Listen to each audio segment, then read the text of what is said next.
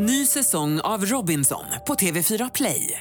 Hetta, storm, hunger. Det har hela tiden varit en kamp.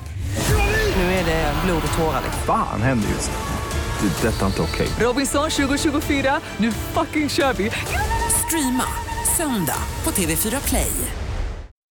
Det här är en podcast om historiska, spektakulära och kaotiska händelser som med tiden fallit i glömska men som onekligen förtjänar att stå i rampljuset. Jag heter Mattias Och jag heter Jennifer. och i den första säsongen riktar vi blickarna mot Nordamerika.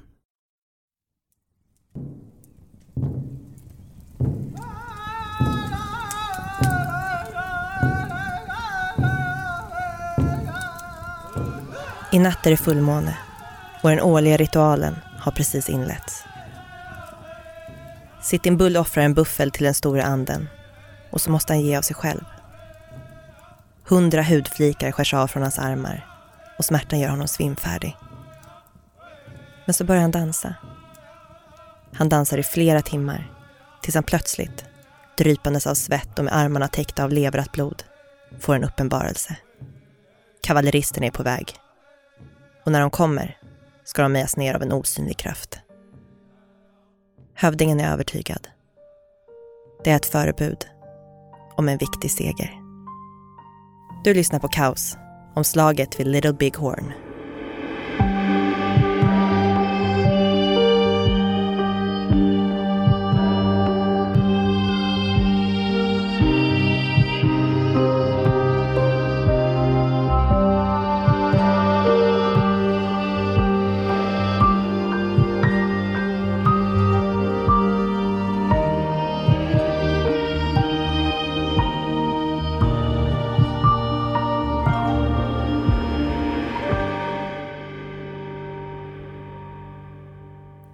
Det är sent 1800-tal. Den vite mannen breddar sina territorier och de nordamerikanska urinvånarna gör sitt bästa för att försvara sina ägor.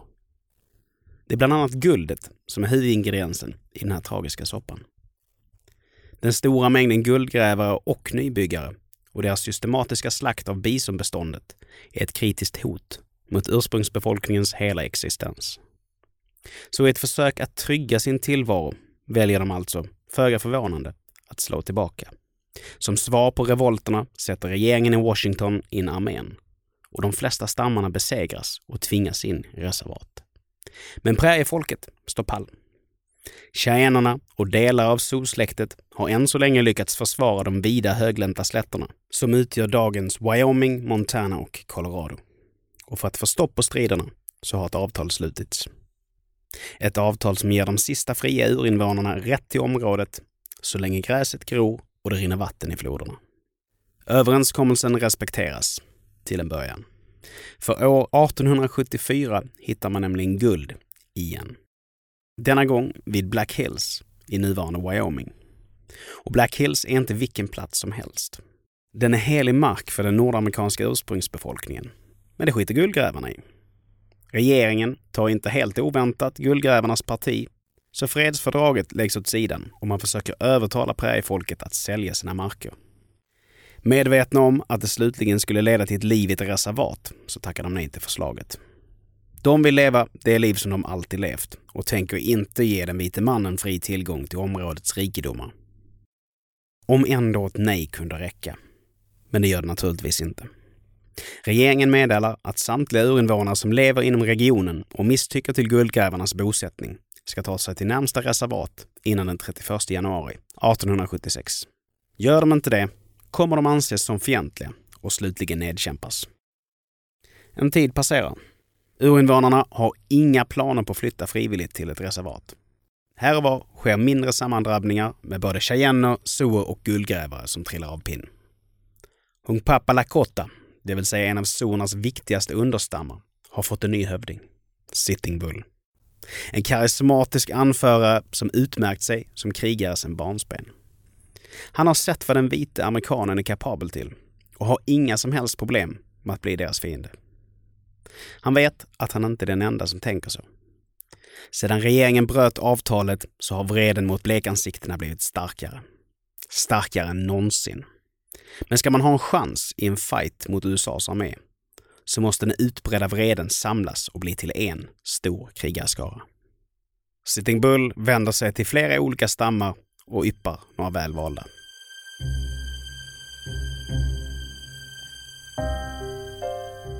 Vi måste stå enade. Gör vi inte det blir vi mördade. När den vita soldaten kommer, kommer den för att skjuta. De vill ha krig. Så låt oss ge dem ett.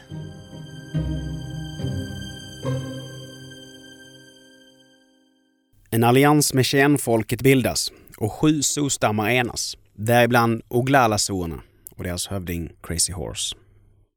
Med Sitting Bull som toppboss och den strategiska Crazy Horse som krigsledare så är man en kraft att räkna med. Och fler ska de bli. För när våren står i blom och jaktsäsongen är ett faktum väljer fler urinvånare som levt i reservat att dra därifrån och ansluta sig till den väldiga klanen. I samma veva planerar USAs armé en straffexpedition mot urinvånarna. Och nej, de har inte den blekaste aning om klanens omfattning. De går helt och hållet på gamla meriter, det vill säga att den vite mannen är oövervinnlig och ursprungsbefolkning, de är ett gäng oorganiserade vildar. Så blir det juni och Sitting Bull river av soldansen, en påfrestande och smärtsam årsritual där man tackar gudomen för året som gått samtidigt som man ber om medvind framöver. Det är alltså nu som han får sin uppenbarelse om kavalleristerna. Och jösses vad on pointen är. För straffexpeditionen har gått av stapeln och armén är på marsch. En trupp har färdats 56 mil över prärien och bara några dagar efter Sitting Bulls soldans kommer de gå till attack.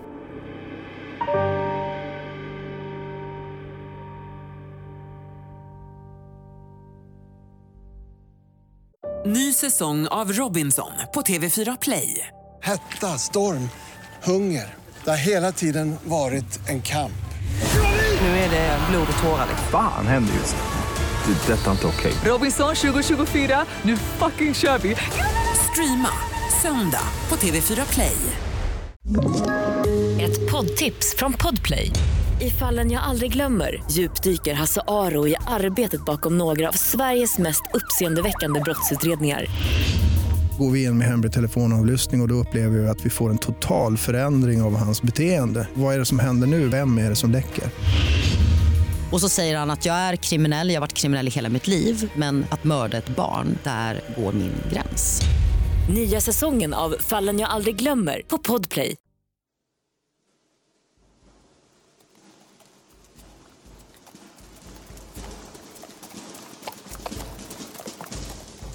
Truppen består av 1200 man och leds av general Alfred Howe Terry. En av enheterna som ingår i truppen är sjunde kavalleriregementet. 670 beridna män som lystrar till överstelöjtnant George Armstrong Custer. Och den här Custer är en riktig vattendelare. Många högaktar honom, andra stör sig som satan på honom. Han blir general som 23-åring, den yngsta i amerikansk historia. Pojkgeneralen med de gyllene lockarna och de skräddarsydda uniformerna. Efter inbördeskriget blev han förvisso degraderad, men det berodde helt och hållet på arméns bristande ekonomiska resurser. I alla fall om man frågar honom själv. Nu är han 36 och mer övertygad om sin egen excellens än någonsin. Han är orädd, impulsiv och jäkligt offensiv. Ingenting gör honom så uppspelt som skramlande sablar och rykande pistoler. Och missförstå oss rätt. Hur osympatisk han än verkar så har ju allt detta resulterat i en rätt hyfsad karriär. Men så var det ju det här med övertron på sig själv och den oerhörda stoltheten. Två drag som kanske inte är speciellt gynnsamma i situationer där man borde ta emot all hjälp man kan få. Hur som helst, tillbaka till expeditionen. Man misstänker att präriefolket håller till någonstans kring Little Bighorn och man vill ge sig på dem från flera håll. General Terry ger överstelöjtnant Custer order om att han och sjunde kavalleriregementet ska agera förtrupp. Med exakta direktiven så får han inte, så han får alltså verka helt på eget bevåg. En riktig drömoperation för en stolt stridspitt som han själv. Förtruppen ska ta sig in från söder, medan general Terry och hans tät tar en nordlig väg i hopp om att genskjuta urinvånarna. Innan styrkorna skiljs åt får Custer ett erbjudande om backup i form av ytterligare några soldater, men det tackar han snabbt nej till. Han blev även erbjuden det mest slagkraftiga maskingeväret i hela Nordamerika. Gatling-kulsprutan. En bjässe med förmågan att knäppa upp till 350 kulor i minuten. Men det blev inget med det heller. För Custer, han kan själv. Jag är helt övertygad om att sjunde kavalleriregementet klarar av det här utan tunga vapen. Vi vill vara lätta och rörliga. Märk väl, mina vänner. För att fånga indianer måste man färdas som indianer.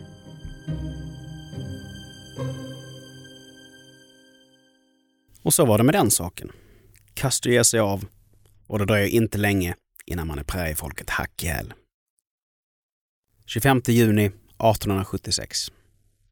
Custer har beordrat några av sina män att ge sig ut i ottan och rekognosera. Spejarna hinner bara ta sig över Little Bighorn River innan de snubblar på urinvånarnas läger i en djup dal in till floden. Och vilket läger! Det verkar röra sig om 6 000 till 8 000 urinvånare, varav 1500 till 2000 krigare.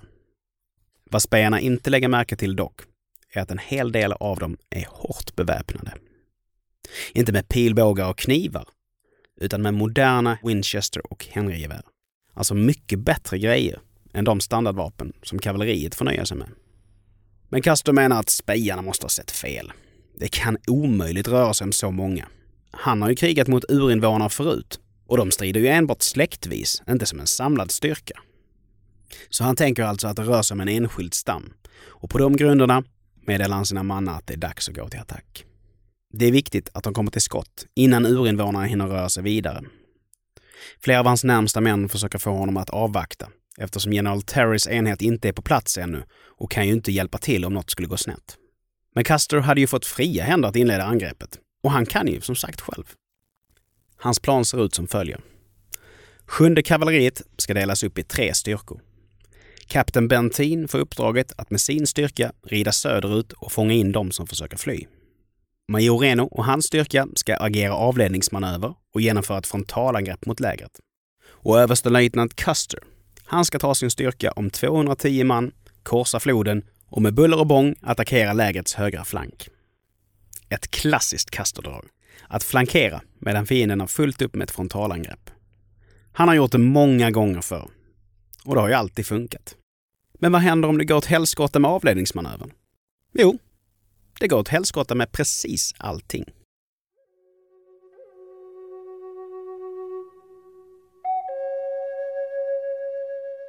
På andra sidan Little Bighorn River har Sitting Bull och resten av präriefolket påbörjat sina morgonrutiner. Männen och deras söner tar hästarna ut i grönbete i närheten av lägret och kvinnorna blåser liv i glöden från gårdagens brasor. Det är snart dags för frukost. Morgonen går och värmen blir snudd på outhärdlig och en stor mängd vuxna och barn bestämmer sig för att ta ett svalkande dopp. Snö från toppen av bergen har smält och runnit ner i floden. Det är kallt, så de tjuter till lite när de dyker i. Det leks och det plaskas. I just den här stunden finns inte en tanke på krig. Men så börjar klockan närma sig tre och två kvinnor från lägret som varit på andra sidan floden för att gräva efter rovor kommer galopperandes. Med andan i halsen berättar de att soldater är på väg mot förläggningen. Kvinnorna hade med nöd och näppe lyckats fly undan hären, men ytterligare en kvinna och hennes son hade dessvärre inte haft samma tur. Och vem är det då som närmar sig och passat på att döda en kvinna och hennes barn på vägen? Jo, Major Reno. Avledningsmanövern har inletts. Sitting Bull samlar ihop barnen, kvinnorna och boskapen och sätter dem i säkerhet. Crazy Horse gör sig redo. Urinvånarna har allt att förlora. Det är nu eller aldrig. Majoren och hans styrka anländer i full galopp. Men så plötsligt börjar ett stort moln av damm torna upp sig framför honom. Och molnet kommer inte från bara några hundra oorganiserade vildar, som de tänkt sig. Nej, här snackar vi om tusen disciplinerade krigare. Reno gör halt. Han beordrar sina mannar ur sadeln och bildar en 200 meter lång skyttelinje. De nervösa soldaterna avfyrar flera salvor med sina halvkassa standardgevär. Men den mäktiga skaran kan inte hållas tillbaka. I panik börjar Reno se sig om efter Custer. Varför kommer inte överstelöjtnanten till deras undsättning? Var fan är han? Jo, Custer, han står där bit ifrån och funderar. Han har precis genom ett bud fått reda på Renos svårigheter. Och därtill fått bekräftat att det visst rör sig om en oerhörd mängd urinvånare. Inte en stam, utan många stammar. Hmm, so what to do, what to do? Nej, äh, vi kör på va? Han tar det ödesdigra beslutet att alltså inte undsätta majoren, utan hålla fast vid planen och anfalla lägrets norra del. Mellan Reno håller präriefolket sysselsatta i söder. Custer och hans 210 kavallerister rider mot floden, men de lyckas inte hitta något lämpligt vadställe. Överstelöjtnanten känner inte till terrängen och det råder en viss förvirring hur man ska ta sig över till andra sidan. Och rätt vad det så överraskas han av första vågen av angripande urinvånare. 400 krigare. Vild strid utbryter och Custer börjar inse att det här var inte alls så enkelt som han hade föreställt sig. Han bestämmer sig att skicka bud efter kapten Bentin. Men Bentin, som också hört om Renus underläge, har valt att joina honom istället. Och det beseglar Custers öde. För snart så kommer den andra attacken. En skara med 1500 urinvånare och Crazy Horse i täten. Flera kavallerister försöker fly, men de blir snabbt nedmejade. I ren desperation och för att undvika att falla i urinvånarnas händer väljer många att skjuta sig själva. Nederlaget är ett faktum. Efter en timme har styrkan nedkämpats. Alla är döda. Däribland George Armstrong Custer. Snart har samtliga stridigheter runt omkring lägret börjat avta. Reno och Bentin kan sakta men säkert ta sig längre bort ifrån platsen. Präriefolket vet att majoren och kaptenen med största sannolikhet snart kommer att bli understödda och de väljer därför att bryta förläggningen och ta sig därifrån. Totalt har 265 soldater och 26 urinvånare stupat. Slaget vid Little Bighorn är en stor seger för präriefolket. Det går de inte att ta miste på. Men framgången är dyrköpt. För så fort nyheten om överstelöjtnant Custer och kavalleristernas öde läcker ut ger det näring åt den indianfientliga propagandan. USAs armé kraftsamlar. Flera strider följer under hösten och pågår i månader. I maj 1877 väljer Crazy Horse med sin Oglala-stam att kapitulera. I samband med att hövdingen ska arresteras blir han nedstucken med en bajonett och såras så illa att han dör. Sitting Bull har fört sin solstam till en fristad i Kanada. Där lever de utan risk att bli attackerade, men jorden har inte så mycket att ge och svälten tvingar dem snart tillbaka till USA 1881. Vid det här laget är han ett känt namn, så varför inte slå mynt av berömmelsen? Mellan 1884 och 1885 turnerar han med Buffalo Bills Wild West Show, en cirkusliknande föreställning som hyllar livet i vilda västern. Stora delar av pengarna han tjänar går till nödställda urinvånare. Så blir det 1890. Sitting Bull lever i ett reservat och ska precis inleda ännu en ritual. Den här gången är det andedansen. En ceremoni som ska återuppliva de döda och därmed återställa balansen inom stammen. Men reservatledningen tolkar dansen som ett försök till uppror och beslutar sig för att arrestera honom. Tumult utbryter, skott avfyras och Sitting Bull mördas. Tiden har ett lustigt sätt att påverka hur vi framställer historiska händelser. Det är som viskleken lite grann. Man uppfattar något, men inte allt. Kanske helt och hållet baserat på vad man faktiskt vill höra. I samtida romantiska illustrationer av slaget vid Little Bighorn visas hur George Armstrong Custer kämpar tappert till siste man. Allt medan den stolta regementsfanan dansar i vinden. Men faktum är att man faktiskt inte riktigt vet hur Custer dog. Hans kropp återfanns i utkanten av området, vilket antyder att han var bland de första som föll. Låt oss lämna det där.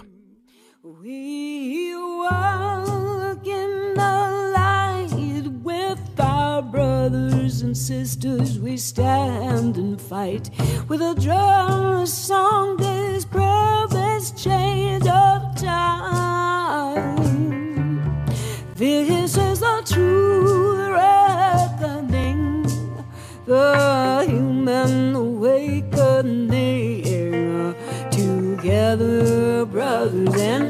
sisters, I was no more. Together, brothers and sisters, I was no more. Oh, oh. Du har lyssnat på Kaos, om slaget vid Little Big Horn. Källorna som används är smithsonian.com, thenation.com, history.com, ne.se och militärhistoria.se. Vi som gör den här podden heter Jennifer Devard och Mattias Nordgren. Följ Kaos podcast på Instagram för att se bilder från fallen. Tack för att du har lyssnat.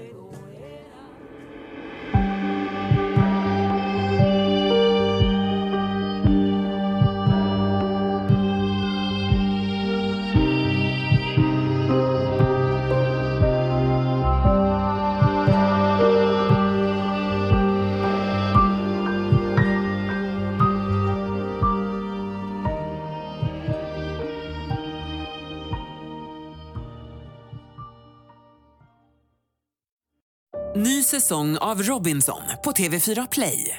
Hetta, storm, hunger. Det har hela tiden varit en kamp.